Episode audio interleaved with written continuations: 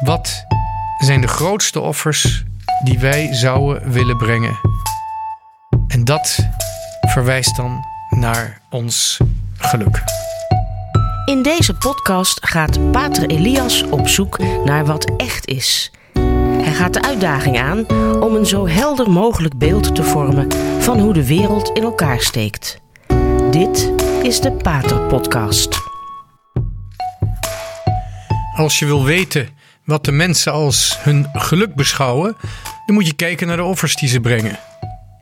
Iedereen heeft middelen tot zijn beschikking. Sommige middelen die zijn niet zoveel waard. Of het nou theelepeltjes zijn of een fietsbel.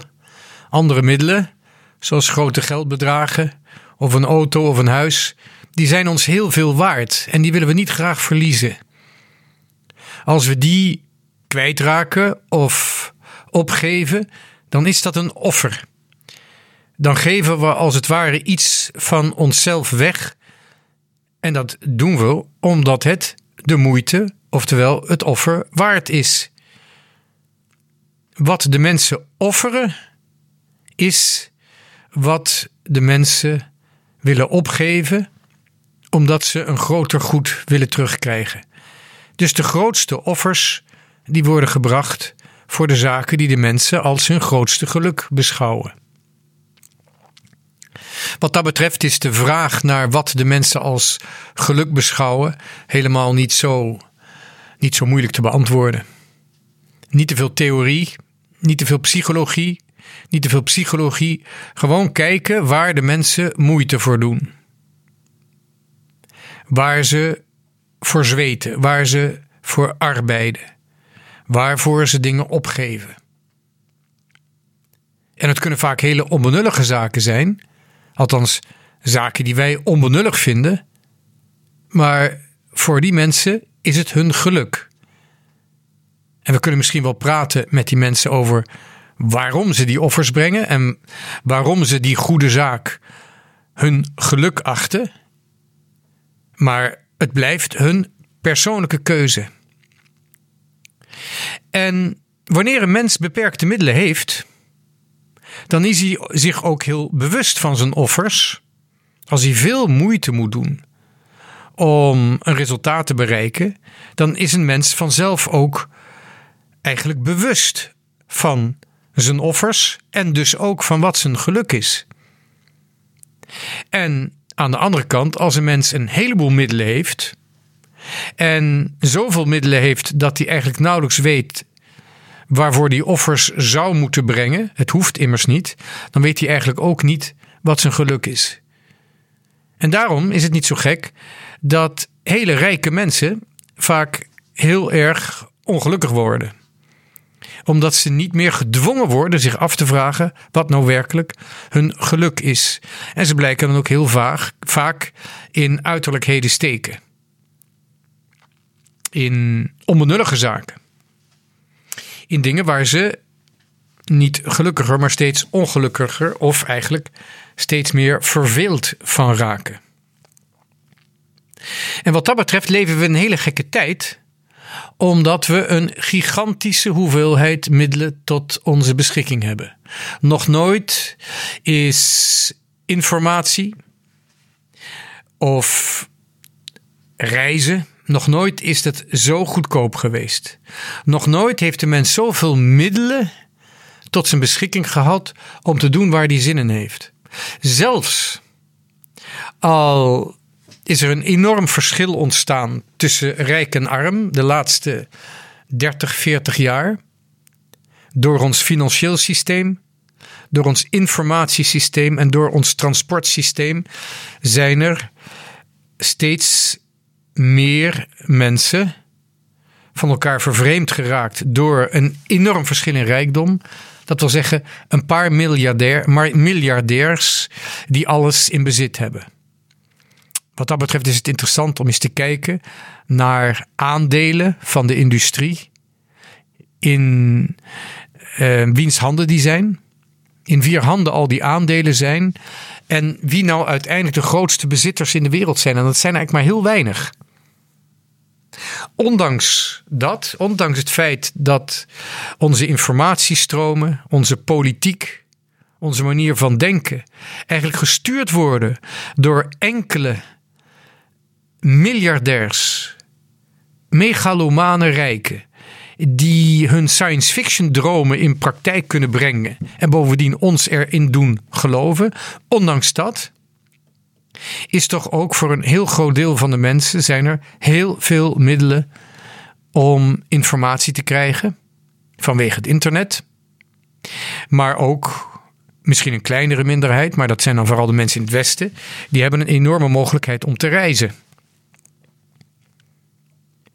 Ik was een paar jaar geleden in de bergen van Noord-Albanië. In dorpen waar mensen één of twee paar schoenen hebben en eh, te voet één of twee uur lopen om naar de kerk te komen. Maar ze hebben wel een mobiele telefoon. En ze kunnen wel met je praten over presidenten en ministers van andere landen en de internationale politiek. Ze eten wat ze van het land kunnen krabben, maar ze weten zo'n beetje wat er in de hele wereld gebeurt. Dat is iets unieks. Ja, en verder, het is nu in grote um, problemen, de toeristenindustrie. Maar ik heb cijfers gehoord over het aandeel van de wereldeconomie um, van het uh, toerisme. En het, naar het schijnt is toerisme ongeveer 6 à 7 procent van de wereldeconomie. Dat betekent dat grote massa's mensen op weg zijn naar andere landen. Wat ze daar gaan doen, dat is een tweede vraag. Op het strand bruin liggen worden, dingen doen die ze thuis ook kunnen doen of dicht bij huis ook kunnen doen, maar het is wat leuker als je het ergens anders doet. Misschien zijn er ook veel mensen die echt voor andere culturen gaan reizen, om die culturen te zien, om die culturen te begrijpen. Hoe dan ook, het toerisme, het rondreizen voor de kennis of voor tijdverdrijf, voor vakantie, heeft enorme vormen aangenomen. De mens heeft enorme middelen tot zijn beschikking. Althans, een groot deel van de mensheid. En het is echt niet alleen maar de Europeanen en de Amerikanen, maar ook de Russen en de Chinezen en een, en een hoop mensen uit het Midden-Oosten. Die zijn, en ook uit India, zijn druk aan het rondreizen om de wereld te verkennen enorme middelen staan tot onze beschikking. Wat doen we ermee? Het grote ja, dilemma van de moderne mens is eigenlijk dat hij zoveel middelen heeft dat hij heel moeilijk kan zien wat nou zijn echte offers zijn. En dus is het ook moeilijk om bewust te zijn van de vraag over wat nou werkelijk je persoonlijk geluk is. Daar komt nog bij dat er niet zozeer offers worden gebracht, maar schulden worden gemaakt. Als westelijke cultuur leven wij helemaal op krediet. Op grote schaal wordt geld bijgedrukt, op grote schaal wordt geld geleend. En geld zeker op deze manier, is niet alleen een middel om rijkdom te herverdelen op een onzichtbare en vooral onverantwoordelijke manier. Maar het is ook een manier om je toekomst te verkopen, inclusief de toekomstige generaties te verkopen. De toekomstige generatie zullen eh, kinderen van onze schulden zijn. Het grote gevaar is dat wij, die vrij zijn, maar willen consumeren op een manier dat we geen echte offers hoeven te brengen. Dat we uh, bezig zijn slaven te worden en in ieder geval voorvaderen van slaven te worden. We brengen geen echte offers, maar we maken schulden. We consumeren Terwijl de schulden en de offers voor morgen zijn, voor anderen, voor mensen die na ons komen. Als ze pech hebben gehad, zijn het onze kinderen. Maar wellicht zijn het andere mensen waar we geen familie van zijn. En zo zie je dat een wereld die zo werkt, waar mensen op krediet leven, waar mensen schulden moeten aflossen, dat dat een wereld is die ten eerste tot slavernij vervalt. Mensen worden schuldenslaven. Maar bovendien zijn ze ook slaaf omdat ze niet eens meer kunnen bepalen wat hun eigen geluk is. Ze worden ook geconsumeerd. Ze consumeren op schuld, maar ze worden ook geconsumeerd.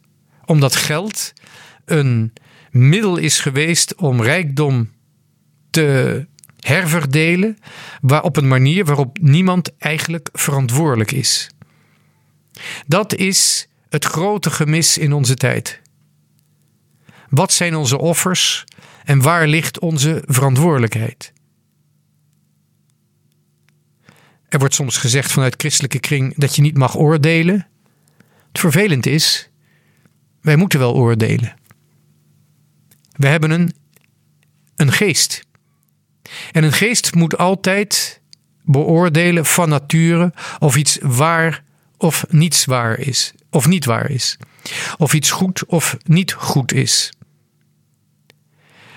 Zo is onze natuur. Wij moeten oordelen. En we hebben dat zelfs nodig om ook te beoordelen of we werkelijk goed bezig zijn. Of we offers brengen die zinvol zijn. Of, ze, of we offers brengen die ons werkelijk gelukkig maken. Zolang dat niet gebeurt, of zolang je dat mensen niet leert, worden we met z'n allen alleen maar steeds gekker. Draaien we mee in een molen waarin anderen bepalen wat ons geluk zou moeten zijn. En we gaan er ook in geloven en gaan we gaan als konijnen achter de wortel aanlopen die vastzit aan onze staart. Het is goed om in deze tijd eens te kijken hoe dat geld wat maar wordt gecreëerd en de schulden die worden gemaakt, hoe dat eigenlijk een imitatie is, een karikatuur van genade. Geld, met geld verdienen is door de kerk altijd sterk afgewezen. Ja, daarin heeft de kerk geoordeeld en zelfs veroordeeld. Geld met geld maken is tegennatuurlijk. Het is een vruchtbaarheid die niet echt is, die niet natuurlijk is. Ik zeg vruchtbaarheid omdat het Griekse woord voor rente is tokos. En dat komt van het um, Griekse werkwoord tekein. Dat betekent baren, een kind hebben. Daarom is Maria, moeder van God, in het Grieks Theotokos. Degene die God gebaard heeft, de moeder van God. Maar tokos betekent ook rente. En rente is natuurlijk een grote verleiding voor de mens, want het is een manier van meer geld krijgen zonder ervoor te werken. Zonder iets te produceren. De kerk heeft het op een gegeven moment toegestaan om de, in, in de mate dat banken inderdaad een dienstverlening zijn.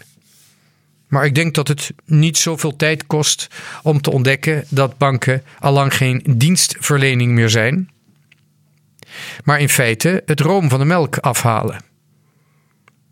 Uiteraard hebben de directeurs van banken enorme bonussen nodig om gestimuleerd te worden.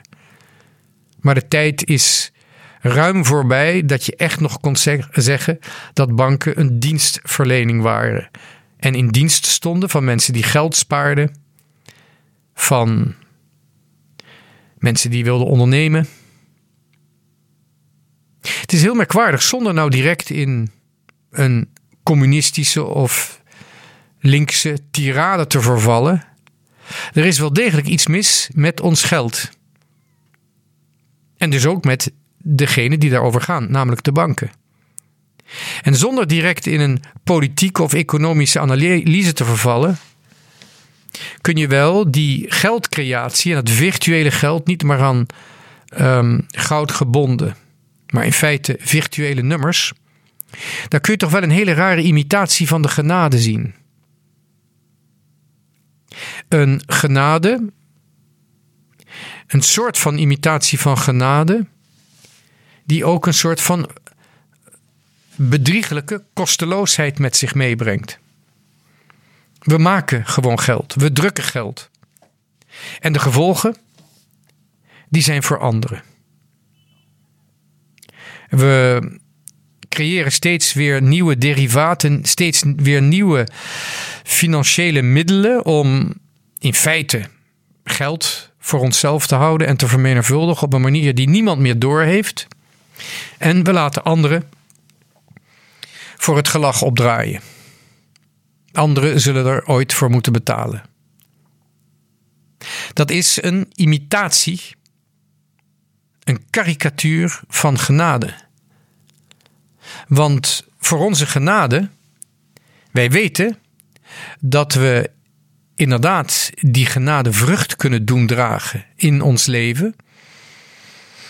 Door goed te leven komt de genade tot bloei in ons.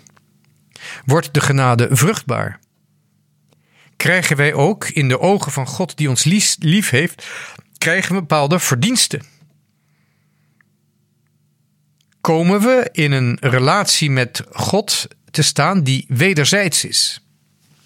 Maar het is wel een genade die voortkomt uit het offer van Christus. Die het offer van Gods zoon is, door de Vader in de wereld gezonden, in gehoorzaamheid aan de Vader gestorven. Niets dat kosteloos is, kan zonder offer. En als wij in ons goddelijk leven een kosteloosheid ervaren, geloof is een gave. Alles is genade.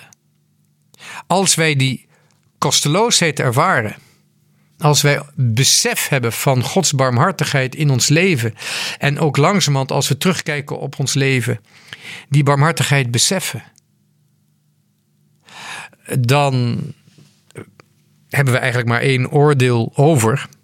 Behalve dan dat God bestaat, zeggen we ook God is goed.